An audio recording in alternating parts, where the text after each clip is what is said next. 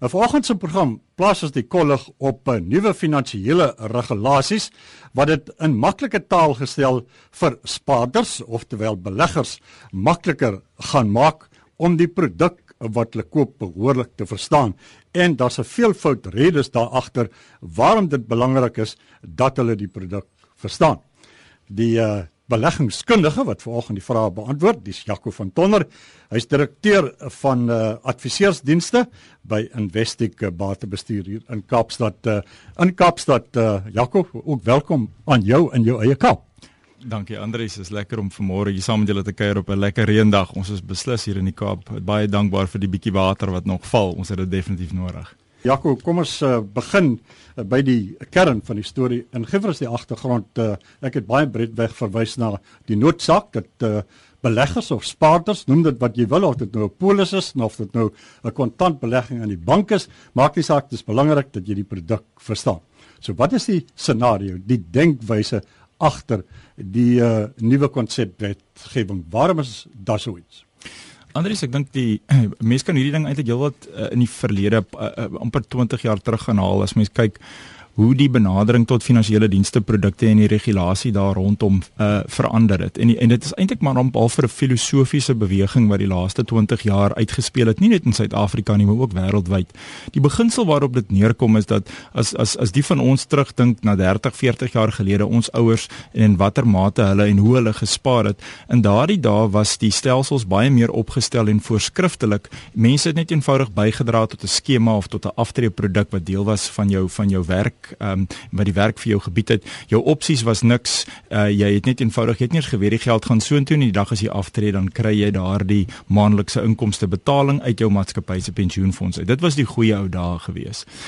Uh hoe regulasie egter en daar's verskeie redes daarvoor wat ons nie nodig het om in te gaan nie. Die lank en die kort is dat uh wêreldwyd is is is finansiële dienste uh regulasie besig om te verander na 'n punt toe waar ehm um, mens Jan Alleman moet eintlik self 'n besluit uitoefen oor hoe hulle hulle behoeftes wil aanspreek. Met ander woorde, die regulasie is nie meer voorskriftelik nie. Hulle sê nie vir jou jy moet nou op hierdie manier spaar vir aftrede nie. Die die stelsel laat nou individue toe om verantwoordelikheid te vat. En dit gebeur in baie fasette van ons samelewing vandag, nie net finansiële dienste nie. So wat eintlik maar gebeur het en ek dink almal van ons het dit gesien hoe ons beweeg beweeg het van die vaste voordeel aftreffondse na die fondse toe waar mense vir hulle eie geld uh, hulle spare pool geld op en dan as hulle aftree moet hulle hulle eie inkomste daarmee koop. Um al daardie verantwoordelikhede is besig om terug te beweeg na die individu toe. Jy moet self verantwoordelikheid neem vir jou eie toekoms. Nou teen daai agtergrond is een van die groot probleme wat ek dink ons die laaste 10 jaar en 15 jaar in Suid-Afrika ervaar het, is dat ons produkte het lank gevat om aan te pas by die verandering. So die produkte was in die ou dae saamgestel deur aktuaries en ander slim individue wat nie in ag geneem het dat uh mense soos Jan Alleman die produk moet verstaan en moet besluit of hulle produk A of produk B wil koop nie.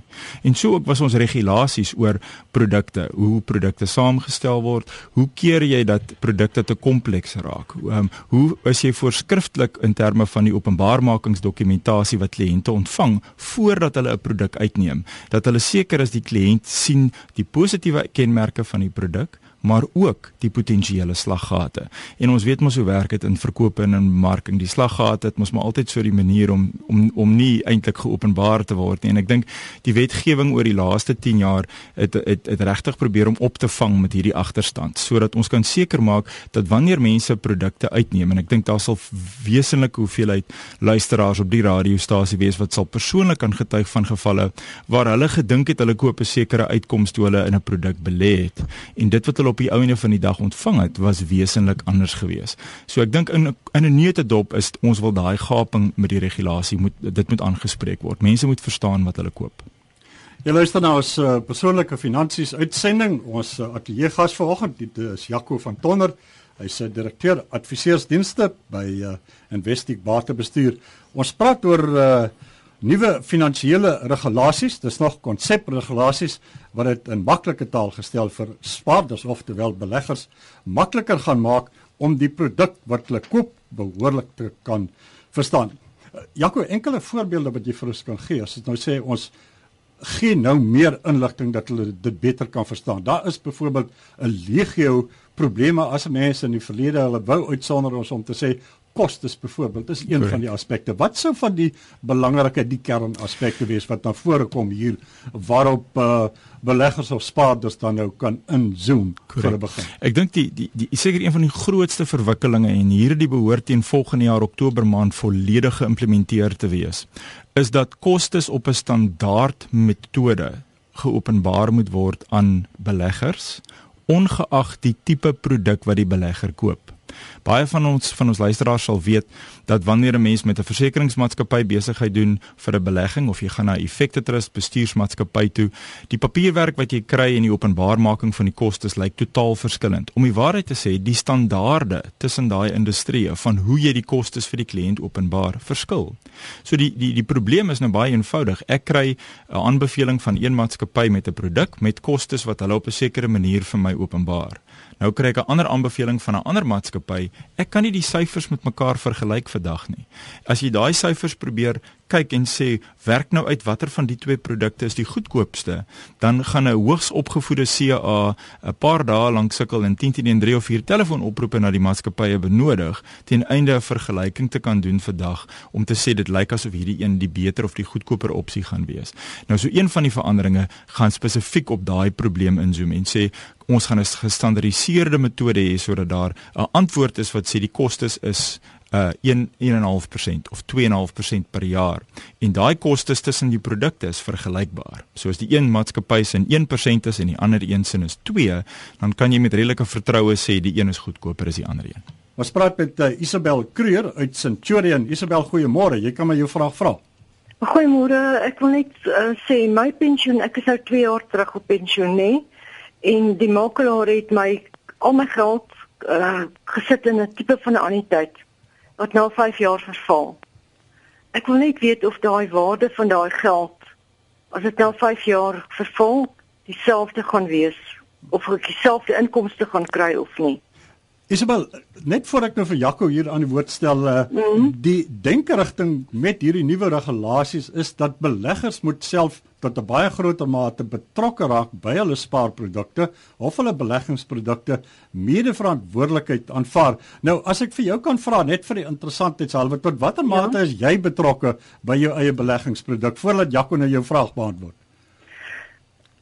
Ek het 'n makelaar wat vir my die goed doen al vir jare.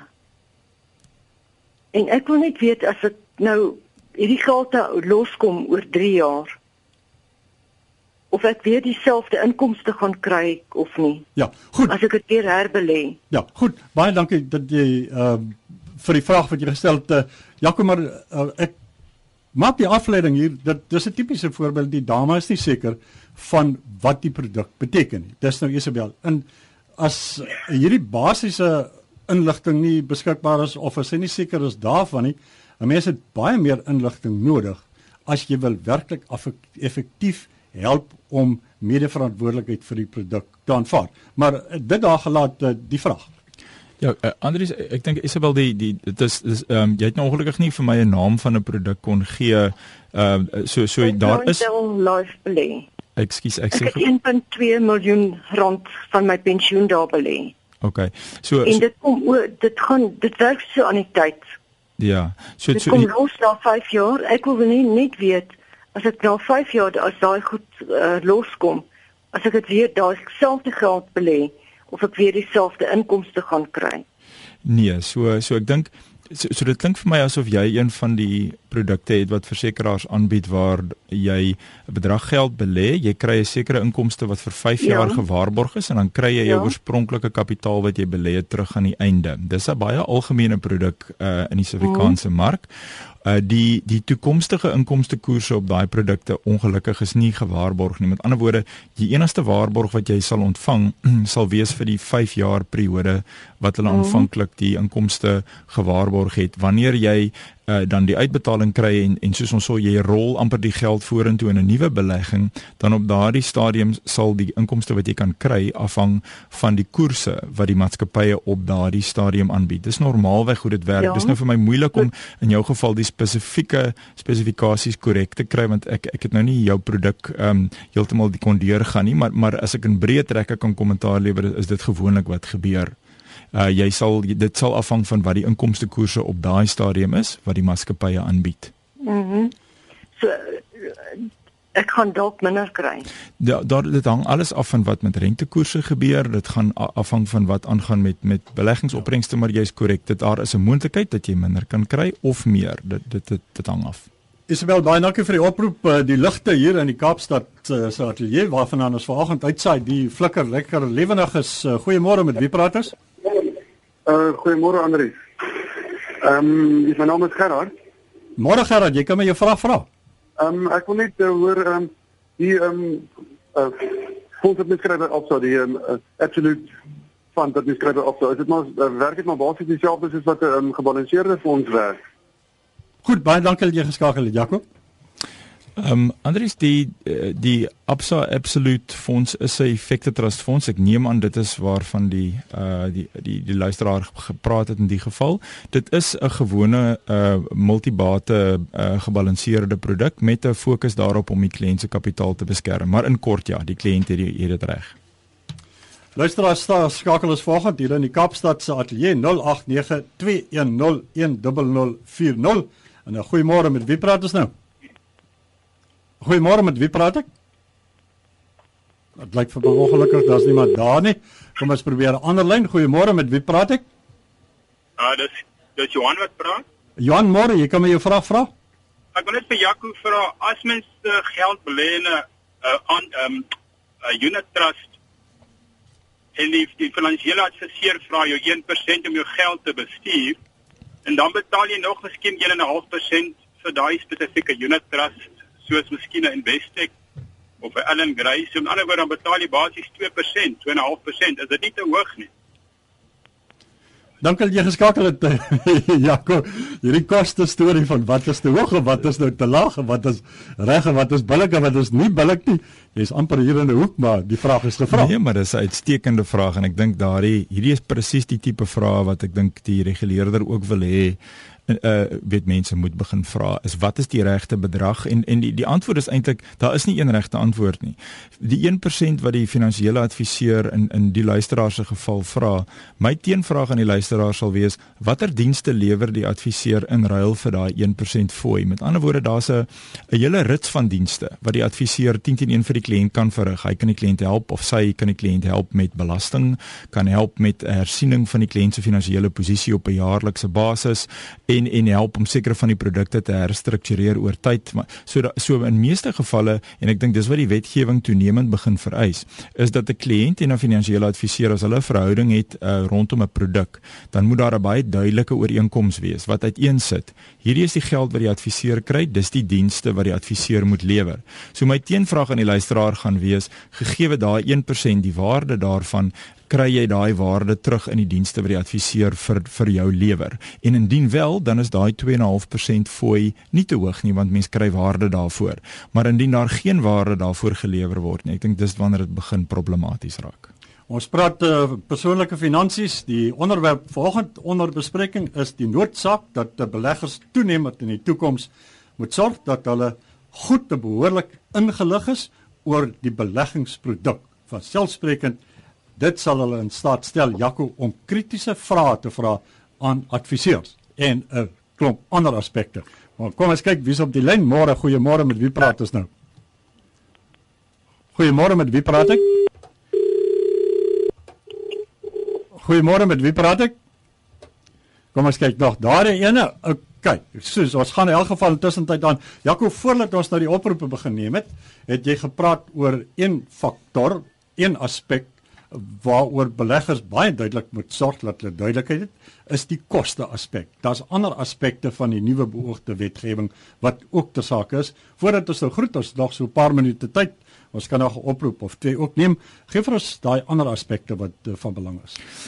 Andries, ek dink ek dink baie beleggers het die laaste uh 10 jaar hulle self vasgeloop in verskillende produkte waar soos ons in in in die in die in die uh, ekonomiese taal praat die die likwiditeit van die produk het 'n probleem geraak. Met ander woorde, die kliënt het die geld in die produk belê en en toe die beleggingsopbrengste begin verkeerd gaan en die kliënt wil die geld uit die produk uit onttrek, toe kom hulle tot hulle skok agter dat uh, hulle kan nie die geld uit die produk uit kry nie. Hierdie is ongelukkig 'n baie algemene klagte wat voorkom uh en en baie klagtes rondom dit word ook aan aan die reguleerder en aan die ombuds ehm uh, deurgegee. Mense verstaan nie tot watter mate hulle toegang het tot hulle geld na hulle die belegging gemaak het nie. Nou weer eens dis 'n blote geval van die aanvanklike dokumentasie wat die kliënt geteken het, moes dit baie duidelik uiteengesit het indien daar beperkings is op die toegang tot jou kapitaal vir die looptyd van die belegging. En en dis ongelooflik hoe baie kliënte dit mislees en ook hoe baie maatskappye ongelukkig, moet ek dit ook erken in die verlede, daardie spesifieke faktore nie duidelik uiteengesit het nie. So weer eens in die regulasie wil hulle hê dat die voordele en die potensiële risiko's van die produk moet baie duidelik in eenvoudige taal vir die kliënt uiteengesit word sodat hulle kan sien op een bladsy hierdie is wat ek gaan kry, maar hierdie is wat ek gaan inboet in die proses en ek moet gemaklik wees daarmee. Kom ons kyk of ons uh, nog uh, een oproep kan neem. Goeiemôre met wie praat ek? Goeiemôre. Goeiemôre met wie praat ons? My naam is ek wil asseblief 'n vraag vra. Uh, ja, vra my jou vraag, probeer hom net kort hou en praat so klein bietjie harder asseblief. My swaar is 84, my suster 72. Hulle is Sanlampolis vir begrafnispolis en hulle nou navraag hierdie sê ehm die persoon by Sanlam as een van hulle doodgaan kry hulle wel 'n voordeel van 12000 rand, maar dan moet die ander twee begunstigdes aanhou om die polis te betaal ongeag of hulle nog geld het of nie. Goed, baie dankie dat jy geskakel het Jaco. Die tyd is uh, redelik beperk. Uh, miskien 'n kort antwoord. Uh, weer eens ek kan nou spesifiek nie want daar's soveel produkte ek het nie alles in my kop nie. D dit is wel so dat jy kry begrafnis en ander risikovoordeelprodukte waar daar meer as een begunstigde en ook meer as een lewe is wat verseker word. En daar is sulke gevalle waar daar verantwoordelikhede is dan op die begunstigdes om voort te gaan om die premies te betaal as hulle die voordele wil behou. Maar dit dit is weer eens is 'n redelike komplekse produk en 'n mens moet hierdie goed verstaan voordat jy hand op papier sit um, want daar kan baie permutasies wees waar mense opeindig met voordele, maar hulle kan die voordele slegs eis indien hulle aanhou om die premie te betaal. Net 'n laaste vraag eh, voordat ons uh, groet. Uh, dit is nou nog konsepwetgewing wat moet gefinaliseer en deurgevoer word. As dit deurgaan die dag, sou dit betrekking hê op bestaande polisse, bestaande produkte of sou dit dan net geld vir nuwe produkte? Andries oor die algemeen probeer die wetgewer wanneer hulle iets implementeer nuuts dit onmiddellik op nuwe besigheid van toepassing maak met dan 'n periode waar hulle dit infaseer vir bestaande produkte. Daar is egter sekere produkte wat 20, 30, 40 jaar gelede aan kliënte verkoop is wat dit is onmoontlik om dit in die nuwe dispensasie in te bring. Dit die strukture van daai produk laat dit net nie toe nie. So daar sal sekere van daai produkte wees wat dit op nie van toepassing sal wees nie, maar meeste beleggingsprodukte wat mense in die laaste 10, 15 jaar sal gekoop het, sal oor tyd hierdeur geaf geaffekteer word en die verskaffer sal die wysigings moet aanbring. Jakob baie dankie dat jy kom kuier. 'n voorspoed uh, tot ander dag dan praat ons weer geld sake. Dankie Andries, ons praat weer.